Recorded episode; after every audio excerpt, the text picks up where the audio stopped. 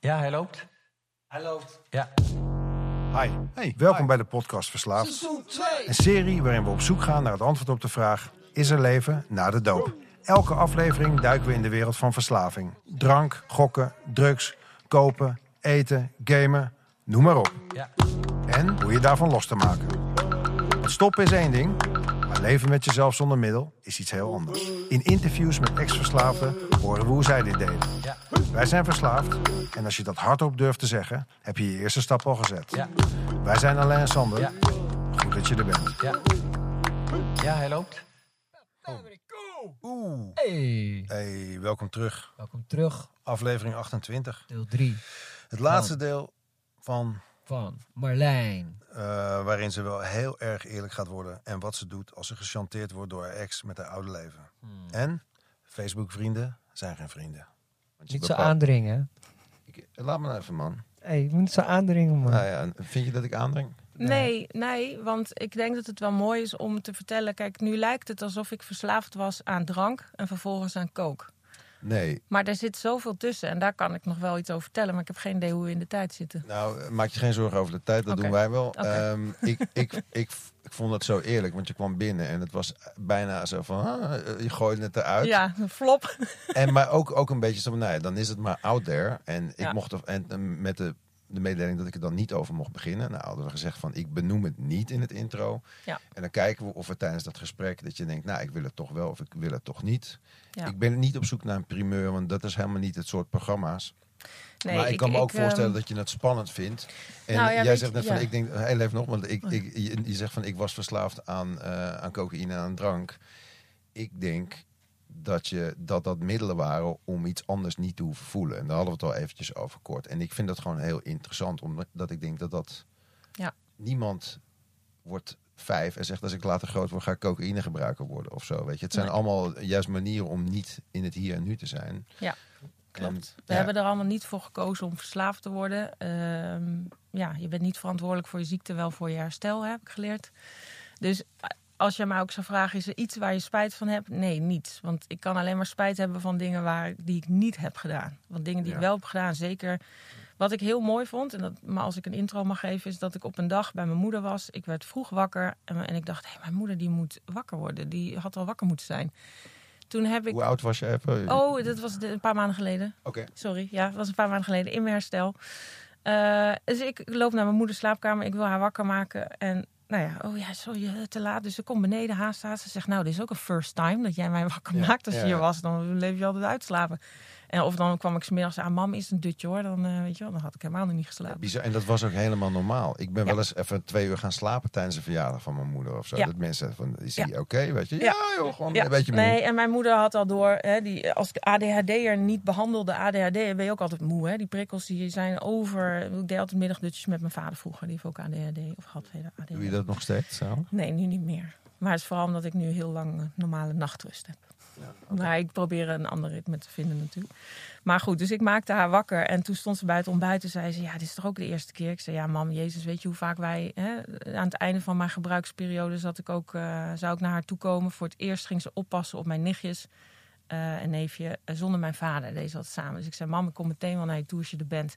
Ik kwam drie uur later dan afgesproken. En toen was ze ook best wel teleurgesteld. Of uiteindelijk kwam ik helemaal niet zelfs. Die van drie uur later belde ik, mam, kan nu nog komen? Heeft het zin? Ja, nee, nee. Dus toen zei ze tegen mij daar bij het ontbijt, zei ze, ja, ik zei, mam, weet je, ik heb me zo vaak ziek gemeld terwijl ik helemaal niet ziek was. En toen zei mijn moeder, maar jij was ook ziek. Je had Ja. de ziekte van verslaving. Och, ik was zo ontroerd van dat moment dat ik dacht, jezus, mijn moeder of all people begrijpt hoe het was. Nou ja, nou hoop ik ook dat ze begrijpt als ze dit hoort. Maar dan heeft ze denk ik al wel van mij gehoord, mag ik hopen.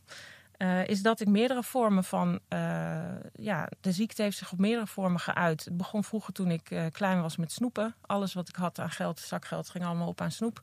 Vervolgens ging het naar vriendjes. de aandacht zoeken bij vriendjes die mochten mij waarde geven. Want ik had geen waarde van mezelf.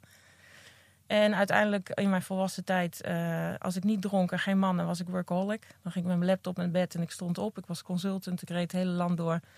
Eh, ik verdiende bakken met geld. En eh, ja, nou ja, dat was mijn leven dan. Dus dan was daar de workaholic, de verslaving. En uiteindelijk kreeg ik een relatie met een, met een man, dat wat nu mijn stalker is. En daar ontdekte ik de kick van aandacht van mannen anders dan binnen je relatie. En dat begon met: eh, ik wil weten hoe het is om eh, een, eh, een date met een man te hebben tegen betaling. Nou, en wat een lang verhaal kort, maar ja, hoe kan je dat kort maken? Is dat ik dat dat als spannend begon, werd uiteindelijk een uit de hand gelopen hobby. Had ik meerdere dates per week met mannen, verdiende ik daar geld mee. Maar plaats je gewoon een advertentie? Plaatste ik advertenties, ja, op een website. Ehm, wij hadden wel een beetje een bijzondere relatie. Ook dat leg ik wel uit in mijn boek. Eh, die was ge- gebaseerd op een, eh, op een eh, ongelijkheid. Hè? Dus de dominante man en de volgzame vrouw. Dus we hadden een beetje een kinky iets ontwikkeld. Hij, waar, was, hij was de dom en jij was de was- sub. Ja, Dus ja. hij vond het ook... nou, dat is voor jou een eh, bekende terminologie kennelijk. Oeps, ik val een beetje door de mand. Oh. Nee, maar... eh, maar ehm, Nou ja, heel veel mensen snappen die. eh, ja, maar dat, dat, dat was al heel lang in mijn leven een ontdekkingstocht die ik al maakte sinds ik eh, twintig was of zo. Wat, wat gaf het jou om, om dienend te zijn op zo'n duidelijke manier? Want het gebeurt wel vaker, maar het lijkt... Ik ken het van een bevriend stel. Ja.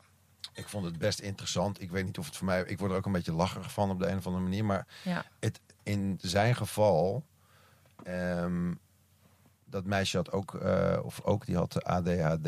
En eh, best wel all over the place. En vond het eigenlijk ook dus op een bepaalde manier heel geruststellend... om gestuurd te worden. Dus als ik, Ja. als ik het niet weet, vraag ik het aan mijn man. En die zegt dan van, nou, vandaag wel of morgen niet, weet ik veel. En daar komt dan ook vaak een seksueel Ja. aspect bij. Dat zij dan uitgeleend werd aan vrienden, als hij dat goed vond. Ja, nou zo begon het bij ons ook. Maar mijn, mijn ontdekking naar het, eh, het, het DS-relatie, zoals we het dan noemden, DS, begon de, do, dom-sub, dom, dominant Oh, sorry, ja, ja. submissive. Ja, het D Nintendo S. te denken. Ik denk, eh, wat is dit voor raar? Ook leuk spelletje. Nee, maar ehm, ja, jeetje jongens, nu, scheiden we, nu snijden we een aan, on- onderwerp aan, daar kun je weer een uur over kletsen. Maar ehm, ja, dat begon bij mij omdat ik niet meer, ik wilde uit mijn hoofd. Ik wilde gewoon uit mijn hoofd. Dus toen ik voor het eerst Ja, in, je hoofd, ge- in je hoofd voelde het niet lekker. in mijn hoofd was het hersenstorm. Zoals we dat, hè, je hebt ook ooit een website gehad, hersenstorm.nl volgens mij, waar ik ontdekte dat ik ADHD zou kunnen hebben. En ehm, ja, daar was. eh, wat ik ontdekte is gekleed in kleding, in, in, in, met touwen en bondage. En dat kan je allemaal heel mooi in Japanse bondage doen. Dat ik dacht: holy shit, nou is de wereld eindelijk stil. En dat heeft niks seksueels. eh, nog, dat had het toen nog niet eens ermee te maken. Maar zoals. En, en nu uiteindelijk viel het kwartje. Mijn vader zette mij vroeger in de box als ik niet. Als ik niet te handelen, niet te handelen was. En dan zetten ze mij in mijn box en zei mijn moeder altijd: Oh, dan werd je zo stil. En toen dacht ik, ja, dat is het. Ik had gewoon een. een ik had, mijn leven was een, een grote wereld zonder hekken, zonder heg, Superveel- niks. Superveel. De hele Ja, tijd. Alles, alles kon. En Ja. ik was grenzeloos. Grenzeloos is ook het woord. Ik was, ik was leeg, grenzeloos. Eh, ik wilde continu erkenning dat ik oké was. Dus ik was, ik was eh, aan het rennen en ik kon nooit stoppen. Want ik zocht continu door, door, door. Hoe ver kan ik gaan? En op een gegeven moment ontmoette ik dan dus een man die zei: Stop. Ja. Dat wil ik, want dat geeft mij, weet je. En ik, ik werd gewoon geleid en dat was prettig. En was het zijn idee of jouw idee om een keer ehm, je- Nou, het- jezelf uit te lenen aan eh, een vriend van hem? Ja, hij vertelde mij erover dat wij waren een half jaar uit elkaar. Hij vertelde mij erover dat hij een andere dame had ontmoet die ik ook wel kende, waarmee hij dat eigenlijk een beetje schoorvoetend had gedaan. Zij was ermee begonnen en uiteindelijk bleek daar geld in te zitten. Want onderdanige vrouwen die eh, tegen geld eh, met een dominante man willen afspreken, daar kun je, nou ja, daar is een markt voor. Ja, het is een niche-markt, Ja, dus weinig en, aanbod. en het belangrijkste is, ik wilde niet spelen. Ik was echt, ik, ik was zoals ik ben. Ik bedoel, er zijn zat vrouwen die zich aanbieden alsof ze zo zijn. Nou, de prik je dwars doorheen als, als man. Maar ik was ook zo en ik, en ik wilde ook die persoon of, of ja, die onderdanige vrouw zijn bij een man. Die, ik vond dat kicken. Dat was een kick. Nou en dat is, heeft zich ontaard in, in een vorm wat, dat ik uiteindelijk een high-class escort girl was. En mijn vriend was mijn pooier. Hij, hij streek 50% op en ik de andere helft. En daar deed ik ongeveer alles voor. Ja. En hij was aanwezig doordat ik hem appte, ik ben er. En ik ben nu klaar, ik loop nu naar huis. Of ik stap in de taxi of whatever. En ik heb, eh, ja, zoals hij, hij bekende bracht, hij bracht en haalde je niet eens voor die 50%. Nee. Slechte deal, maar ja, dat wil je, want je bent sub. Ja, ik eh, pikte dat. Op een gegeven moment eerst eh, toen ik weer... Ik ben op reis gegaan voor de eerste twee maanden dat ik had gewerkt. En toen ging, kwam ik terug, bankroet totaal. En toen kwam ik weer in contact met hem. En toen zei ik, ik wil wel doen, maar dan wil ik wel 70-30. nou, dat hielden we even vol totdat we ruzie kregen. En hij zei, je mag wel verder gaan, maar... eh, dan doen we wel 50-50. Nou, dat heb ik gepikt. En op een gegeven moment deed ik gewoon dates die ik echt helemaal niet zelf eigenlijk meer wilde. Dus Ja. ik ging volledig, ik was de codependency ten top. Ik deed alles voor hem. En eh, dat heb ik op een gegeven moment gekapt. De relatie en het hele werkverhaal. Ja, want, En toen ging hij mij stalken en dus bedreigen daarmee. maar Ik denk dat wij eh, nog een uitzending moeten opnemen met jou eh, over, een, ma- over een maand of twee in het nieuwe jaar. Dit is inderdaad een heel topic op zich. eh, nou, en het vooral wat, wat ik gewoon het belangrijkste vind. Ik heb gesproken met de hoofdredactrice van Lef Magazine. Ook met het oog op mijn boek. En ik vertelde haar dit. Ik zei, zal ik dit in mijn boek zetten of niet? Heb jij enige ervaring wat dit doet? En toen zei ze, ik heb bijna geen enkele verslaafde vrouw gesproken... die niet ergens in haar leven dit gedaan heeft. ja. En toen wist ik, dit moet ik gewoon vertellen. Ja. Ehm, Eén, omdat het moeilijk is om te vertellen. Hoe, waar begin je? Nou, binnenkort kan ik oud komen met deze podcast. En ehm, dus dat is een mooi verhaal. Ja. En ehm, eh, sorry, ik ben even afgeleid. ja, dat snap ik. Er Snap gebeurt hier van alles in deze studio. en niet alleen hebben wij hele rode oortjes, maar ehm, ook technisch eh, gaat goed. Ja, Ehm, wat ik wilde zeggen is, in zo'n relatie heb je ook vaak toch ehm, codewoorden of eh, dingen van, hey, dit is, nu is het niet leuk meer of zo. En het klinkt alsof dat niet... Had je een ontsnappingsmogelijkheid of nou, het enige wat... Ja, jeetje jongens, dit, dit was een hele bedreigende situatie op een gegeven moment. En daarom wil ik er ook voor uitkomen. Omdat hij bedreigt mij, nou nu niet meer sinds hij is aangehouden. Want hij is na een jaar eindelijk aangehouden. En ik wacht nu op de rechtszaak. Is dat hij dreigt om dit allemaal uit te laten komen. En ja, ik, ik heb het daardoor eh, moeten vertellen aan mensen. Ja, omdat als dit uitkomt zonder dat het van mij komt... is het natuurlijk schadelijk voor je leven. Maar wat zijn, jij, bent En- geen, jij bent geen bekende Nederlander, voor Nee. zover ik weet. Nee, maar ik dacht wel, als ik het nou zelf ervoor uitkom, dan... eh, Nee, dat begrijp ik wel. Ja. Maar, maar ik snap niet zo goed wat zijn leverage is. In de zin van dat hij zegt van, ik ga jou je exposen als een... van- werkgever kan zeggen doei. Ah. Je ouders kunnen zich de rug toekeren en zeggen... Ja, holy ja, ja. fuck, wat, eh, wat hebben we nou weer aan als fiets hangen? Eh, je vrienden kunnen je laten vallen. Maar dat is toch enorm fucked up. Omdat die relatie is voorbij. Obviously allemaal. Ja. Maar dat hij nog steeds de, de, de dom uithangt. Omdat hij bepalend wil zijn. Zelfs in de manier hoe het kapot gaat of zo. Een enorm obsessieve... Ja, hij is de grootste sadist, narcist en egoïst die ik ken. Alleen, ik heb wel van deze man gehouden. En dat maakt, dat is het zieke, het zieke deel in mij. Die zag, dit gaat niet goed. En hij heeft mij nooit gedwongen hè, om dit werk te doen. Dat wil ik wel zeggen. Want Ja. ik ga hem niet zwart maken van hij heeft mij eh, in de prostitutie gezet. Nee. Eh, maar wat hij wel heeft gedaan is, als jij dit ooit doet zonder mij, Dan heb dan, je- maak, dan heb je een probleem. Dan Ja. zorg ik dat, jij, eh, dat je exposed wordt. En, en dat, ja, hij was, ik was zijn eigendom. En zelfs dat kun je binnen, binnen een DS-relatie nog wel speels doen. Maar voor hem werd het werkelijkheid. Hey, maar het, het klinkt alsof jij zeg maar omhoog bent geklommen en eh, een enorme groei aan doormaken bent. Het klinkt eh, alsof hij een soort eh, kelderdeur is ingegaan en veel verder is weggezakt in zijn eigen Ja. problematiek en lelijkheid. Nou ja, dat is ook wat ik eh, in behandeling ook heb geleerd. Dat uiteindelijk, ik ben hier degene die alles aangaat. Ik ben degene die eerlijk is. Ik ben degene die liefdevol naar, zelfs nog naar hem kijkt. Ik, ik had hem kapot kunnen maken. Stop. Als ik dat dan mag vragen aan jou, van jullie hebben ook een liefdetijd gekend Ja. en, en veel meegemaakt met elkaar. Zou jij iets liefdevols kunnen zeggen tegen hem? Of iets met zijn best interest at heart? Zou je dat willen zeggen nu? Ik weet helemaal niet of die gozer gaat luisteren en je gaat de link zeker niet sturen. Maar misschien meer om zelf de regie te pakken. Eh, nou, dat doe ik al door dat boek te schrijven. Ja, daar ja, die is staat, nog nee, niet dat snap klaar. ik, snap ik, snap ik. Eh, dus daar kan ik een stukje uit. eh, Wij willen gewoon de primeur hebben natuurlijk. Ja, wat ik daar eigenlijk zeg is. ehm, wat, ik, wat ik tegen hem heb. Oeh, jezus. Ehm, je weet je, jij. We hebben allebei een ziekte. Hij heeft een ziekte. En dat is de ziekte van narcisme. Ik bedoel, die is onbehandelbaar. Voor zover ik weet. Narcisme is niet echt behandelbaar. Ik Weet ik niet. nou ja, daar is genoeg over te lezen. En eh, ja, dat is heel lastig. In ieder geval, de narcist ziet niet dat hij een probleem heeft. Die vindt zichzelf fantastisch. Dus die zal niet inzien wat hij kapot maakt. Dat kan een verslaving ook met je doen. Ja. Dus in die zin, nou ja, maakt Nou niet goed, uit. maar... Ik wou, hè, ik wilde eigenlijk vragen of je ja, tot hem dus, wel zou dus willen tot richten. hem richten, weet je, stalker, laat ik hem zo noemen. Ik vind het verschrikkelijk dat jij zo ziek bent dat je dit hebt moeten doen. Ehm, ik wens jou alle goeds en ik hoop dat, dat jouw hoofd op een bepaalde manier een kronkel andere kant op zal maken. Waardoor je een liefdevolle man voor je vrouw kan zijn en voor je kinderen. Die had hij ook. Ehm, en dat je rust vindt zonder dat je het nodig hebt om anderen kapot te maken. Vind de waarde in jezelf. Vind hem niet in, in het afmaken van een ander. Ga niet mij kleineren om zelf groter te worden. Dat is wat hij heeft gedaan. En ik hoop dat hij, of jij, meneer de stalker, de liefde in jezelf gaat vinden. Wauw. Heel mooi. Ja, Dankjewel. graag Ehm gedaan. Is dat... want, Ja... Mijn eh, vader die is ook eh, behoorlijk eh, narcistisch. Ehm, nou heb ik... Het is een ziekte. Vaak zijn het, weten ze het zelf niet. Ja. Nu vraag ik me af of mijn vader wel een narcist is. Omdat hij laatst of laatst tijd geleden toegaf dat hij een narcist is. Om er maar mee weg te komen. Zodat hij maar zo kan zijn als dat hij is. Ja. Dan vraag ik me af, is, dat, is hij er dan ook echt een?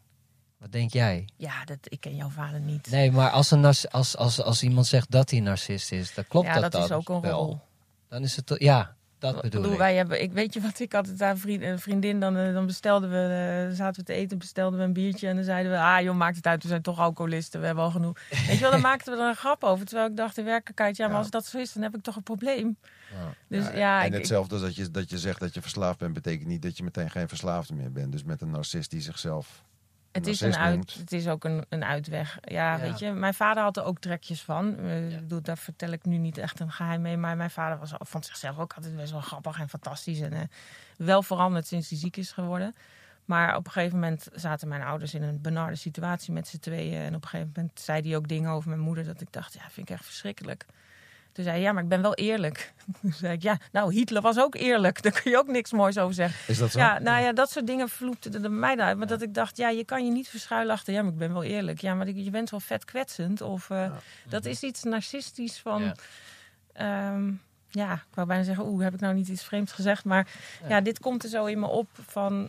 ehm, narcisten weten over het algemeen niet echt... Ja, dat weet, ik ben geen... Ik, ik ja. laat me er niet over uit. Ik vind het heel moeilijk. Ik heb met mijn psycholoog toen ook veel over gehad. En narcisten zijn niet bekend met het idee dat ze narcist zijn. Ja. Over het algemeen. En hebben misschien moeite met voelen. Of een keertje zich eh, ehm, nou, kwetsbaarheid kennen kwetsbaar opstellen en Ja. zeggen dat ze een fout eh, hebben begaan. Of dat ze, dat ze fout zaten. Hij zei ook nooit sorry. De stalker Ja. zei ook nooit sorry of excuses. Of die zei zelfs als ik je complimenten geef, moet je niet te vaak doen. Hè? Dan gaan mensen naast hun schoenen lopen. Weet je wel, dat soort dingen. Ja, ja, ja. Dus ik, ik, ik moest heel hard werken bij eh, dit soort eh, type mannen. Moet je heel hard, of vrouwen, maar moet je hard werken om, om iets te krijgen. En Ja. dat- Het is ook ik- lekker, want het is eigenlijk is het, eh, als ik even mag eh, de vrije psycholoog uit mag gaan hangen. Ja. In zekere zin zit er iets ehm, emotioneel onbereikbaars bij. Of je moet dus inderdaad iets doen voor iemand. Ik heb ook wel een zwak voor vrouwen die eigenlijk eh, twee leagues te hoog zitten, zeg maar. Of die, die me af- aflopen te bitchen of zo. Dan denk ik toch van, oh, hier is wel iets speciaals te halen of zo, weet je wel. Eh, het is wel, Ja, als je haar dan krijgt, ja, Sorry, schat. Ehm, eh, maar dan, dan, heb je wel, dan heb je wel bijna alsof je het daarmee verdiend hebt, zeg maar. Terwijl je je je bijna dus niet voor kan stellen dat je zomaar met een mooie, lieve, slimme vrouw, of in jouw geval een man, kan zijn. Ja. Want, dus dan komt het toch weer terug op die diep gewortelde ehm, gevoel van ik ben niet genoeg om van te houden. Ik moet een rol aannemen waardoor mensen, en bedoel, bij jou was dat ehm, de sub. Bij mij is dat de grapjes maken. Ik weet niet, het kan van alles zijn, weet je wel. Om, ja, ik denk dat vooral... eh, oh jeetje, ik wou iets zeggen, nee, schiet het weg. Ehm, ja, dat mijn, ik, ik heb natuurlijk twee relaties gehad met getrouwde mannen. Dus je kan je afvragen, hè, kon je bij één niet gewoon stoppen? Ehm, blijkbaar niet. Blijkbaar niet. Eh, sterker nog, de, de relatie daarvoor die heeft acht jaar geduurd. Ehm er was met een man die polyamoreus was. Dus ik heb ook nog een polyamoreuze relatie. Och, jongens. Ja, maar dat mag je niet op één hoop gooien, denk ik. Nee, maar in de zin van, ik heb alles geprobeerd om connectie te krijgen met een man. Ook al wist ik, eh, dit gaat hem niet worden. Of hij wil iets wat ik helemaal niet wil. Ja, maar laat ik het op zijn minst proberen. Misschien zou het kunnen dat je bang bent voor een oprechte, eerlijke Nou ja. relatie. En dat je daardoor altijd mannen zoekt die niet beschikbaar zijn. Zou- en ook nooit Uiteindelijk zullen worden. dacht ik, ik heb verlatingsangst. Maar ondertussen ben ik misschien wel degene met bindingsangst. Maar dat, dat, dat, dat voel ik nog steeds niet helemaal zo. Maar wat ik wel heb ontdekt in mijn behandeling... en dit is echt voor veel vrouwen waarschijnlijk heel herkenbaar... en misschien een antwoord op de vraag die ze ook hebben gehad... waarom val ik steeds op die emotioneel niet beschikbare man? En dan ook nog misschien zelfs de getrouwde man. Ik kreeg een epiphany op een moment dat ik uit het raam keek en dacht... Deze mannen hebben al een vrouw, misschien een gezin, alles wat ze wel hebben. En dan gaan ze van mij, worden ze gek van mij. En dan gaan ze alles voor mij doen om met mij te kunnen zijn. Nou, dan moeten ze wel echt van me houden, want anders doe je het toch niet? Hmm, interessant. Dus ik was op een gegeven moment dacht ik, ja, maar als dus iemand die vreemd gaat met mij, kun je ook zeggen, ja, dag, je hebt eh, ga je een beetje gezonde vrouw eh, met een goede eigenwaarde zegt, "N- voor mij niet, dank je. En ik dacht, ja, maar dan is hij, dan, dat is dus een teken van liefde, want anders ga je niet vreemd. Hij moest heel veel liegen, hij moest allerlei bochten wringen om Wat mij hij te allemaal zien. wel niet moest Wat hij doen allemaal om bij moest doen jou om bij mij te kunnen vreemd gaan, dat was enorm. Ja, toen wist ik de dat offers die die man gebracht heeft voor Ja, jou. want ik geloofde niet dat iemand die niet zoveel moeite moest doen voor mij, dat, dan, dan dacht ik, ja, maar dan, wie, weet dan, wie zegt dan dat hij van me houdt? Grappig, die beelden die heb je. Ja, ik, ik moest juist, ik, misschien eh, vervelend als je dat zegt, maar ik, ik, ik zeg het ook niet, ik vraag het aan je. Zou het kunnen omdat je je vader erin herkent? Ja, ik heb ook eh, de daddy issues eh, zitten. Ja, ik bedoel sowieso codependency. Hè, dus alles willen goede man voor een is man. niet beschikbaar, want anders is het geen goede man. Nou ja, en je gaat, je gaat voor wat je kent. En ik ken Ja. de, de niet beschikbare man. Dat is mijn vader. Die was er eigenlijk gewoon nooit. Ja, hij was er wel, maar niet genoeg voor mij als meisje. Nee. Dus eh, als vrouw had ik iemand nodig die veel meer met mij betrokken was. die ook de verzorging deed. Ehm, die naar mij luisterde, aandacht had. Mijn vader die kwam thuis en die sloeg met de vuist op tafel. En die dacht, wat een beidehand irritante dochter zit hier aan tafel. En die zei, ga maar naar boven als je weer normaal kan doen. Ja. En ik dacht, wat is normaal? Mm. Dus ja, dat, Dat- dat dat- ben ik gewend aan. Het, dat is een man die ik ken. Ja. En eh, heel hard werken voor zijn liefde. En dat is wat ik heb gedaan mijn hele jeugd. Want ik dacht, ja, mijn moeder is niet emotioneel beschikbaar. Dan ga ik maar voor mijn vader. Dus ik had al mijn pijlen op mijn vader ge- gericht. Dus ja, dat gaat zich in relaties uiten, denk ik. Heb, jij wel eens gehoord van, of iets geluisterd van, of gekeken op YouTube van eh, die Gabor Maté?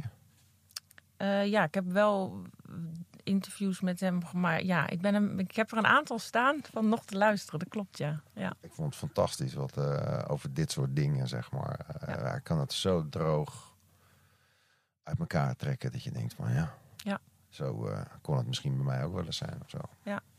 Nou ja, en dat is ook wel. ehm, ik had zelfs eigenlijk als thema zeg maar, in mijn hoofd het taboe doorbreken. Hè? Dus ook de coming out. Het gek is, nou heb ik dus nog steeds de vraag die ik ook aan jullie wilde stellen. Waar ik dus nu middenin zit. Mijn eerste kring weet precies wat er aan de hand is. Maar dan heb ik nog eh, 500 Facebook-vrienden waar ik niks over dit hele geheel eh, verteld heb. Facebook-vrienden zijn geen zijn vrienden. geen vrienden, nee, oké.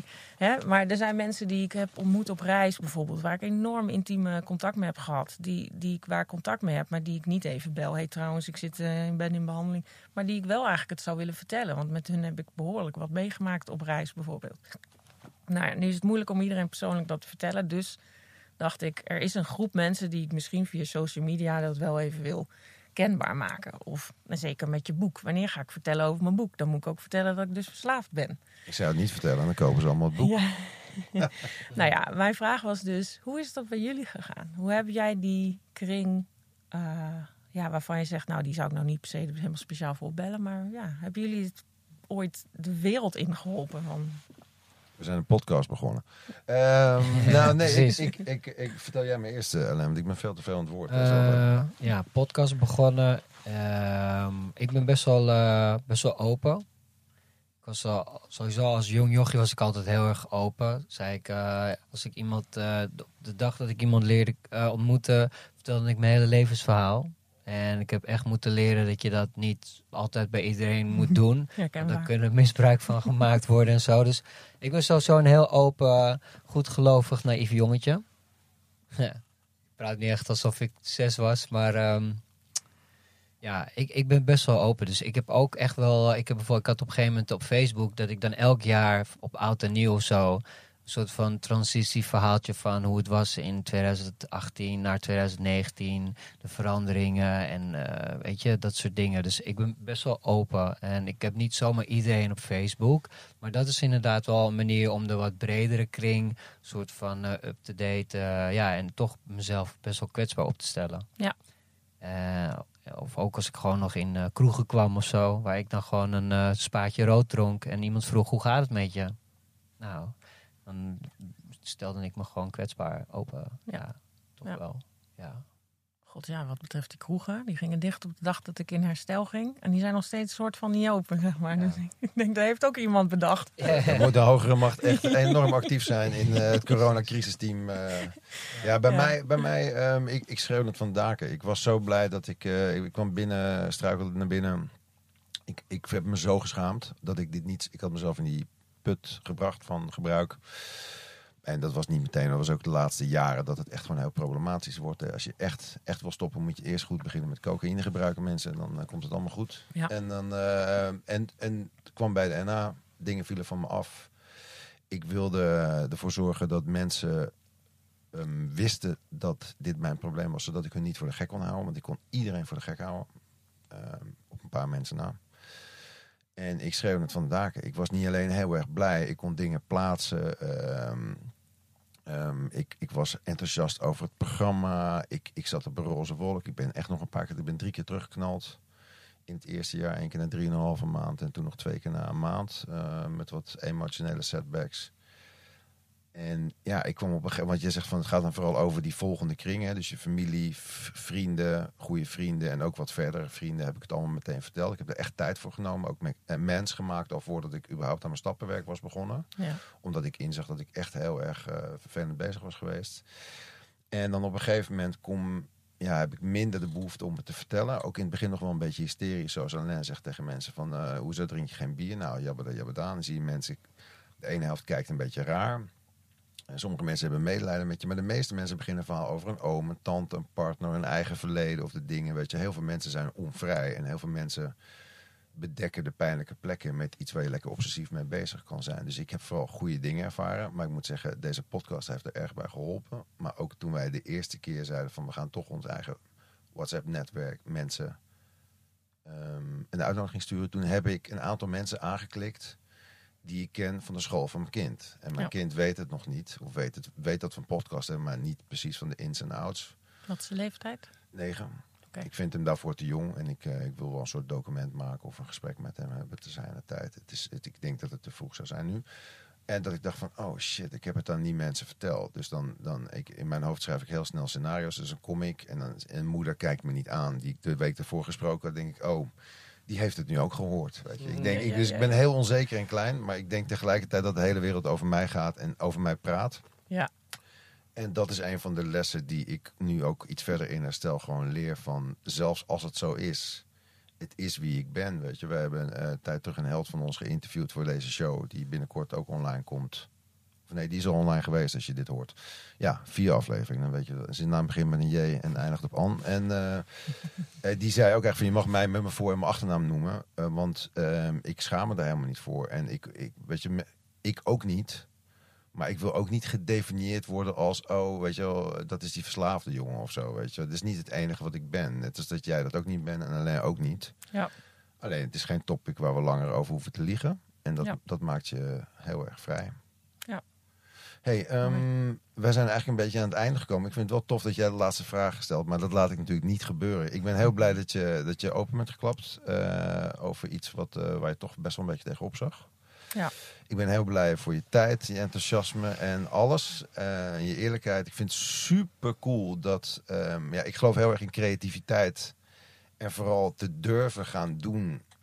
En te ontdekken wat je, wat je taak is in het leven. Dat ben je aan het doen. Je bent aan het Ja. schrijven. Ja. Ik Zelfs, ben zelfs ook aan het schilderen trouwens. Jezus. Dat heb ik ook nog opgepakt. Ja, schilderen. maar dat ligt even links als ik nu aan het schrijven ben. Dat kan Schilderen en ik... schrijven gaat nooit tegelijkertijd. Nee, twee obsessies is te veel. Hey, nu we dit gesprek hebben gehad, hoe voel je je? Goed, ja.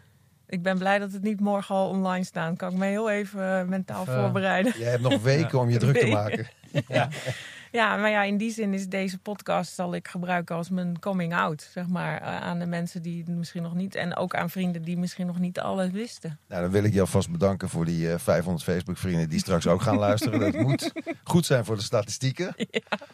Ja, hoe gaat het trouwens? Wordt het een beetje beluisterd? Nou, ehm, het is Kun je dat zien? Ehm, nou ja, over Facebook. Ik ben, eh, ik ben gestopt met Facebook al ehm, eh, toen ik volgens mij net in, of ja, een paar jaar in ieder geval. Ja, ik had altijd heel erg, ik, ik vond het toch wel erg belangrijk hoeveel mensen daar likes bezig waren. En ik merkte met deze podcast, we hebben een cheap ass abonnementje, zeg maar, waarmee we precies kunnen doen wat we willen, namelijk onze show online zetten. En dat werkt goed. ja, En omdat we het goedkoopste abonnement hebben, wij statistieken waar niemand en jota wat mee kan. Het, sla, het is niet uit te zoeken allemaal. Want ze hopen dat we gaan upgraden naar een duurder abonnement. Gaan we lekker niet doen. Nee. En het bijkomend voordeel is, is dat ik dus denk van... hé, hey, gisteren hadden er 89 mensen geluisterd en vandaag weer vier. Ik, eh, ik, ik kijk hier niet meer naar, want ik word hier helemaal gek van. En eh, dat doen we dus eigenlijk ook niet. Dus we hebben geen flauw idee. Nou, maar daarom zou ik zeggen, jongens, meer, meer bellen en even laten weten dat je hebt geluisterd. Vinden wij leuk. toch- Ja, Ja, toch? ja, ik vond het heel leuk om te doen en eh, moet je maar kijken, voor je het weet zit je er gewoon. Zijn er mensen aan wie je deze podcast zou willen laten horen? Ja, aan, eh God, ja, aan iedereen die hem wil horen. Ja, Nou ja, en misschien dat de stalker nog wel luistert. Dat ik denk, gatje, precies. Stalker. je kan me niet meer pakken. Ik je heb alles al verteld. ja. Stalker. Zou je nog You eh, don't- iets you don't tegen need to be a hem of stalker. haar willen Oh, zeggen? Nou, nee, vooral. Ik wil vooral zeggen aan mensen hè, die nog lijden onder de verslaving of nog heel kort in herstel zijn, zet door. Want ook voor jou is er een plek in deze wereld in, eh, die is echt veel mooier dan als je in gebruik zit. Dus ehm, Zijn we nu bij de podcast? verbinding. Ja. Zijn we nu bij de podcast eh, beland? Eh, je- zou jij het nummer willen voor Ja. eh, Of de hotline voorlezen, want eh, ik, ik, ik schijn het steeds verkeerd te doen. En dat had jij gezegd toch ook of niet? Ja, de de- podcast hotline is het juiste nummer 0685164264. Ja, top. Nou ja, als je nou, als je nou belt en eh, je kunt geen boodschap achterlaten, want dat schijnt dus heel vaak te gebeuren. Oh. Wij, eh, of Alain heeft het inmiddels gefixt Ja. met onze provider. Maar een Eh, technisch probleempje, maar dat is gefixt. Dus eh, mocht je iets eh, willen inspreken, heb je een idee, wil je de groeten doen, spreek wat in. Tot later. dankjewel. Dankjewel. Doei. Dit was de podcast Verslaafd. Idee, productie en uitvoering Alain, Sander en Bas. Elke donderdag een nieuw gesprek. Tot de volgende keer. Tot de volgende keer.